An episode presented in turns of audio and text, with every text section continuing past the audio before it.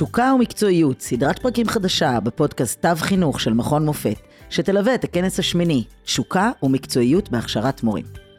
תשוקה היא דחף, שאיפה, רצון להשיג משהו, להגיע למיצוי והגשמה. לרוב, תשוקה היא זמנית ועוצמתית, אבל היא מתפוגגת כשכובשים את היד. לעומת זאת, מקצועיות היא כבר הרבה יותר עקבית, והיא היכולת לפתח מומחיות מתוך ניסיון, עם מחקר ועם אורך רוח. אז איך משלבים בין השניים? וכיצד מחברים בין תשוקה למקצועיות? ולמה כל כך חשוב ליצור התחדשות לצד מעקב, המצאה לצד מחקר, הרפתקאות חינוכיות לצד הערכה מתמדת. על כל אלו ועוד נשוחח בפרקים הבאים, בהם נארח מרצים, חוקרים, אנשי חינוך מנוסים מן הארץ והעולם, שהשקיעו תשוקה ומקצועיות במחקר, בעשייה חינוכית, פרצו את גבולות הידע והרחיבו את המחשבה בתחומי חינוך, הכשרה ופיתוח מקצועי. נצא לדרך.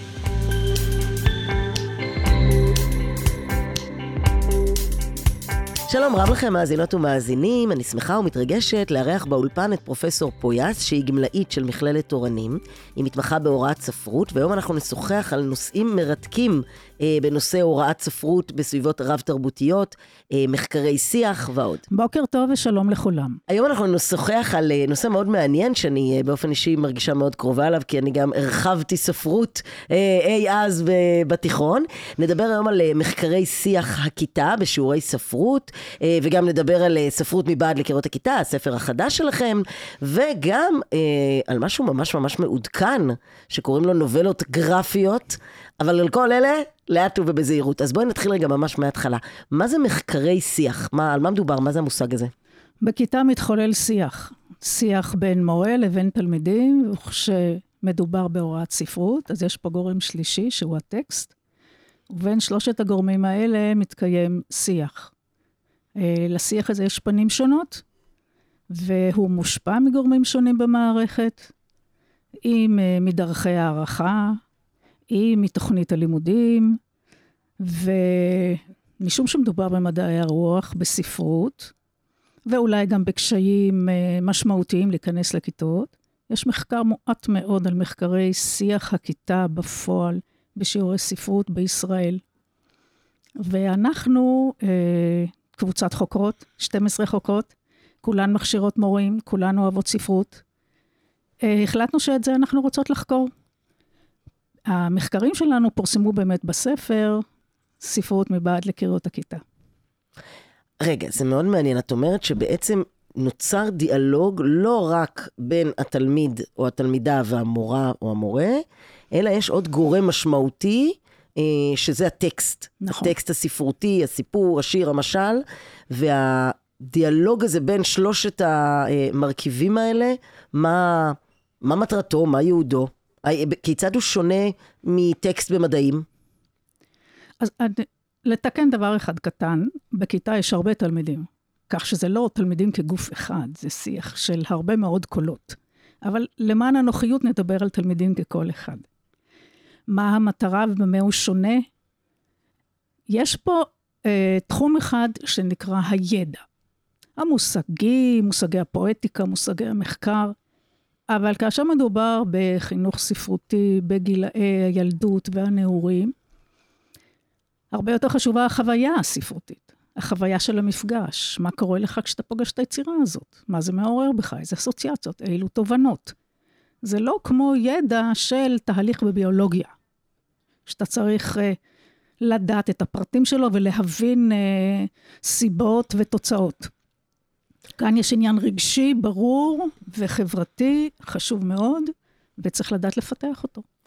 זאת אומרת, יש בעצם עוד רובד שלם של, של, של עוצמת תהליך הלמידה, זאת אומרת, בשונה מהיסטוריה או מדעים, ששם יש ממש עובדות ומספרים ותהליכים, פה יש ממש חיבור רגשי, אה, ולכן זה סוג אחר לגמרי של דיאלוג, ממש ממש מרתק.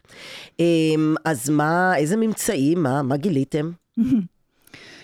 אה, אנחנו חקרנו כיתות, אני מדברת פה אנחנו, כי אני מתייחסת גם לחוקרת שחקרה איתי, פרופסור אילנה אלקד ליימן. אנחנו בדקנו שיח ב, אה, נאמר ככה, שלושה סוגים של כיתות. כיתות בגרות, כיתות י"ד, וכיתות שלומדות בתוכניות עם חלופות הערכה לבחינת הבגרות, ומועדוני קריאה בבתי ספר על-יסודיים. ומסתבר שיש מאפייני שיח מאוד uh, שונים לכיתות שלומדות לקראת בגרות, ואני אשתמש אולי במילה חריפה, אבל תהליך ההוראה כפוף לדרישות המעבר המוצלח של בחינת הבגרות, לעומת שיח בכיתות שלומדות באמצעות פרויקטים ומחקרים אישיים, יצירה אישית, ואז הדיאלוג הוא באמת uh, מגוון הרבה יותר. וכמובן, כאשר מדובר במועדוני קריאה שהם uh, וולונטריים בעיקרם, שם ממש יש שוויוניות בין הקול של המורה לקול של התלמידים, uh, בחירת היצירות וכל מה שכלול בכך. טוב, רגע, זה נורא מעניין, אנחנו, אני רוצה רגע להתעכב פה על כמה מרכיבים בדברים שאת אומרת. קודם כל, תסבירי למאזינות והמאזינים, מה זה מועדון קריאה? מועדון קריאה זה מועדון של חובבי קריאה בדרך כלל. אם הוא אה, נעשה נכון, לפעמים זה שם מכובס לשמירה על תלמידים שמתקשים בקריאה, או ניסיון לעודד אותם לקריאה, אבל לא לכך אנחנו מכוונות. אנחנו מכוונות באמת להתכנסות במרחב בטוח בבית הספר על ידי מורה או ספרנית, שמקיימת שיחות סביב ספרים עם קבוצת תלמידים. אלה תלמידים שצריכים אה, להקדיש מזמנם החופשי, לא רק לקריאה, אלא גם אה, להישאר בבית הספר אולי אחרי שעות הלימודים, או אם הם יוצאים משיעור אחר, הם אחר כך צריכים להשלים את החומר, אבל זה בפירוש אה, ילדים שתשוקת הקריאה בעורקיהם, והם מרגישים שיש דומים להם, הם לא יוצאי דופן. נהדר, זאת זאת ממש פרקטיקה חינוכית שיש לה, אה, אה, שהיא מאוד אה, מובחנת, זאת אומרת, אנחנו פונים באופן וולונטרי לילדים, מי שרוצה מצטרף, הם קוראים מה שנקרא בזמנם הפנוי, עד אשר אנחנו אומרים להם, בתאריך הזה והזה נדבר על הספר הזה והזה, או על הפרק הזה והזה, או על השיר, או משהו כזה, ו, ו, ואז בעצם הם מקבלים איזשהו מרחב בטוח להביע את הרעיונות והדעות והתחושות והרגשות שבעצם עולים. אני ככה, לגבי הגילוי הנאות, אני אגיד גם שאני, כשהייתי מנהלת בית ספר, אה, יצרתי כזה דבר עם התלמידים שלי. זו הייתה פשוט חוויה נפלאה. Mm-hmm. באמת הייתי מחכה לזה, ואני יודעת שגם הם היו מחכים לזה, כי זה באמת, כמו שאת אומרת, הדיאלוג הייחודי שנוצר סביב הטקסט, כמובן שהוא משליך על הרבה מאוד uh, פרשנויות אישיות וחוויות אישיות, ואת נכון. מה הם עושים עם זה אחר כך, uh, אבל זה באמת היה רגעים קסומים. רגעים קסומים של השבוע, פשוט לבוא ו... ולנתח ביחד את מה שקרה שם, זה באמת היה קסום במיוחד. עכשיו הייתי רוצה שתספרי לנו על כמה דוגמאות של הערכה חלופית שאת uh, ראית או פגשת uh, בדרכך, uh, שהרגשת שזו הייתה הערכה חלופית, uh, למידה משמעותית, מאוד מאוד מוצלחת בספרות. מה, תני, תני לנו איזה משהו. אתן דוגמה מפעילות שראיתי בבית ספר בצפון הארץ. התלמידים למדו סיפור, ותוך כדי השיחה על הסיפור הם הגיעו למסקנה שיש שם שני נושאים מאוד מאוד דומיננטיים ומרכזיים. והם uh, התבקשו להתחלק לזוגות. בכל זוג התבקש למצוא דרך יצירתית להגיב לאחת מהתמות או אחד הנושאים האלה, ולא רק ליצור, אלא גם להסביר למה הוא בחר את קו היצירה הזה ואת החומרים האלה, ואיך זה באמת מתחבר לנושא עליו דובר. אז יש ילדים שנתנו מופע של פואטרי סלאם. יש ילדים שהציגו ציור והסבירו למה הציור הזה. אחרים אה, חיברו שיר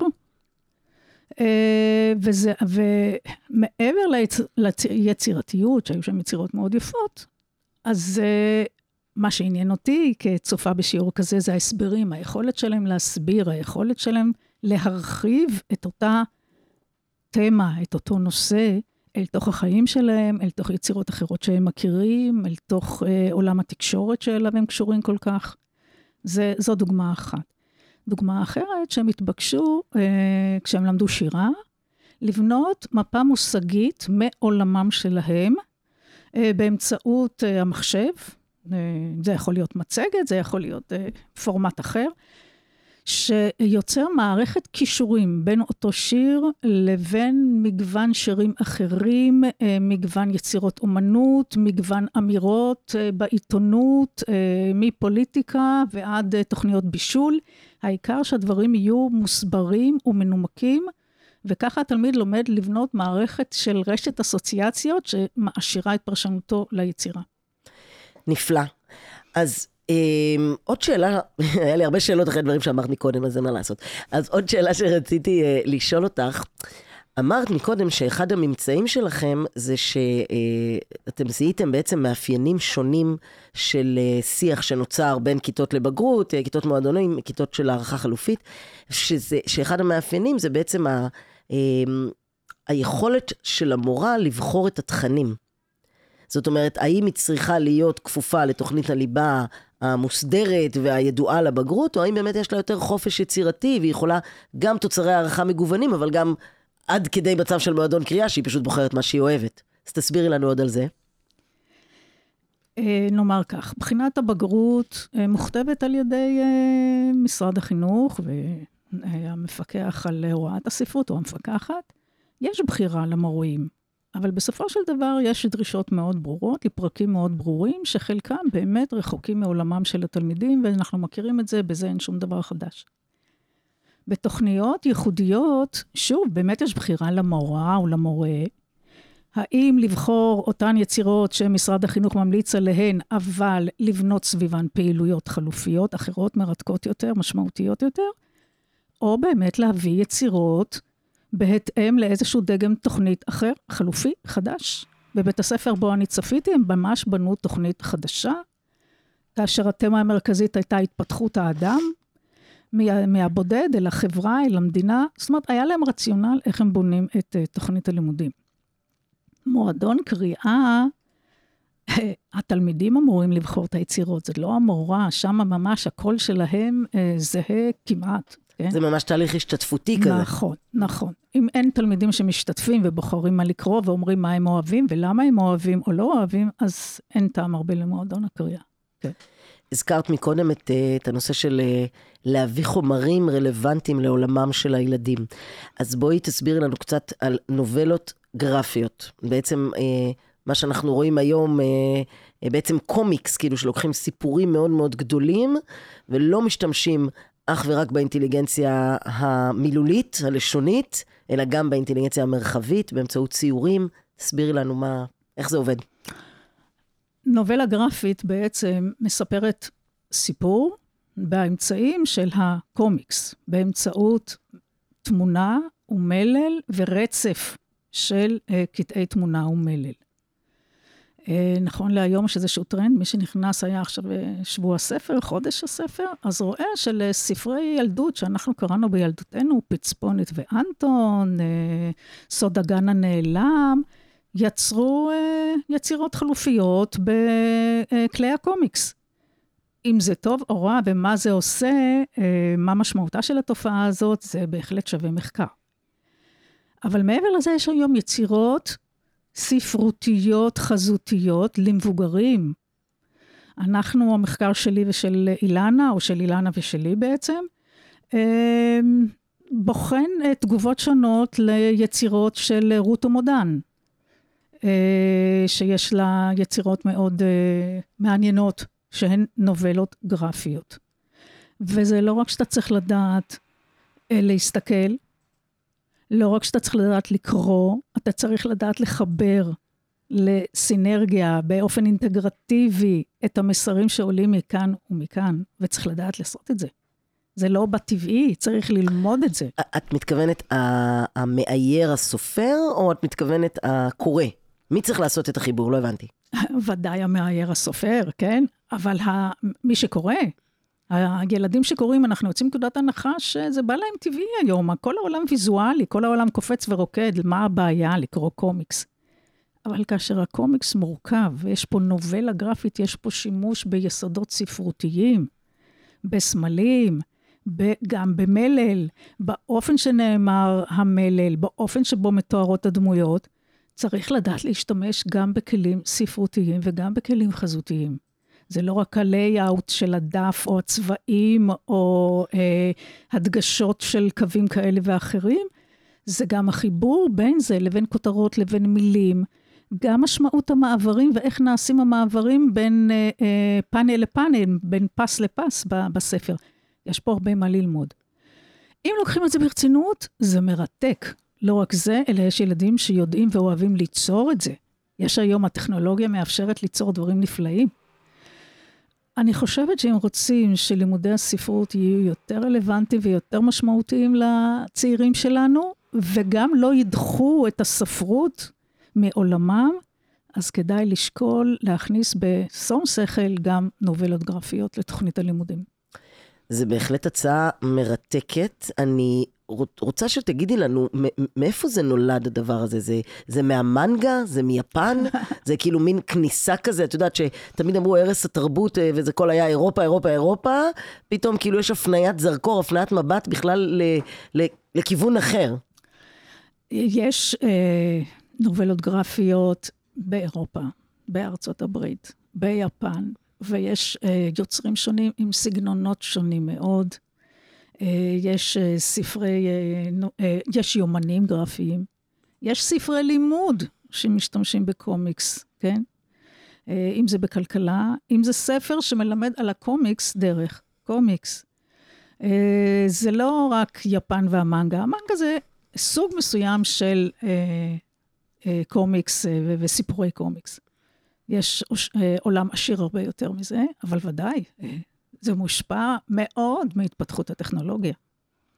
אז אה, הגיע הזמן לעסוק בזה. טוב, יעל ו- ואילנה, הלוואי וזה יהיה הספר הבא שלכם. שהוא יהיה אה, ככה או מאויר ומעביר לנו את הידע באמצעות קומיקס, או שתחקרו את זה רגע, שמישהו יסביר לנו איך זה עובד, ובהחלט אה, איזה מיומנויות נוספות, כפי שהזכרת, ניתן לדרוש או לצפות. שהתפתחו בעקבות השימוש במדיה הזאת, שהיא מדיה באמת חדשה, טכנולוגית, אחרת ומאוד מאוד מעניינת.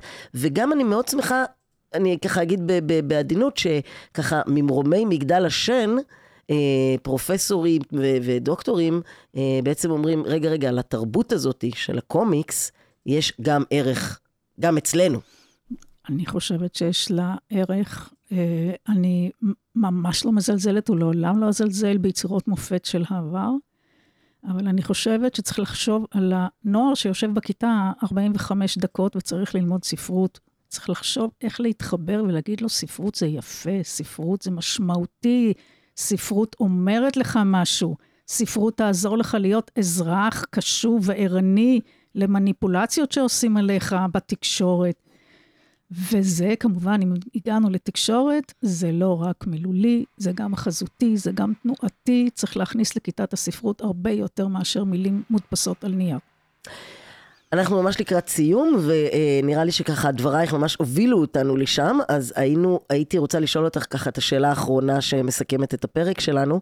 אה, היות והכנס הזה הוא כנס שעוסק במקצועיות ותשוקה תשוקה ומקצועיות אה, בהכשרת מורים, אז אולי אם תוכלי לשתף אותנו בתשוקה האישית שלך, עד כה למדנו הרבה מושגים מקצועיים אה, על אה, אה, מועדוני קריאה ושיח ונובלות ועוד ועוד, אז קצת על התשוקה שלך, מאיפה זה בא, או מה השליחות שלך בתחום הזה. התשוקה שלי התחילה מזה שאני אוהבת ספרות. התשוקה שלי התחילה מזה שרציתי לעבוד עם בני אדם ולא במעבדות. אמ, ואני אגיד כך, לצערי ראיתי שבשיעורי הספרות הפורמליים יש מין אדישות, ישנוניות. אה, הייתי צריכה להיות ליצן החצר כדי לעורר לפעמים חיוך או, או תגובה. בשיעורים של כתיבה יוצרת, למשל, שבית הספר שלי נתן לי לקיים, איזה כישרונות גילינו שם, וכל יצירה שלהם גרמה לי להביא להם יצירה אחרת, תראו איך מישהו אחר... זה היה שיח אחר לגמרי. מכאן הבנתי שיש משהו אה, מגמד בשיח הספרותי שמלמד לקראת בחינת הבגרות. יש לו יתרונות אחרים, אבל מבחינת אה, היכולת להאהיב את הספרות, להבין שזאת פעילות אה, אינטלקטואלית וחווייתית ורגשית, צריך uh, ללמד אחרת. וזאת התשוקה שלי. כל השנים הייתי 20 שנה מורה בבית הספר, הלכתי ללמוד הוראת uh, uh, ספרות, לימדתי הוראת ספרות במוסדות שונים, ויצאתי לפנסיה כמו, כמכשירת מורים להוראת ספרות. אני חושבת שזה מקצוע uh, מרתק, אם יודעים לחבר אותו למישורי החיים של הלומדים. תודה רבה רבה לך, דוקטור ליעל פויאס. תודה רבה גם לחגי גלילי, המקליט שלנו באולפן. תודה רבה לכם, מאזינות ומאזינים. והלוואי ונמצא אה, יעדים ספרותיים אה, מרגשים. תודה רבה וכל טוב.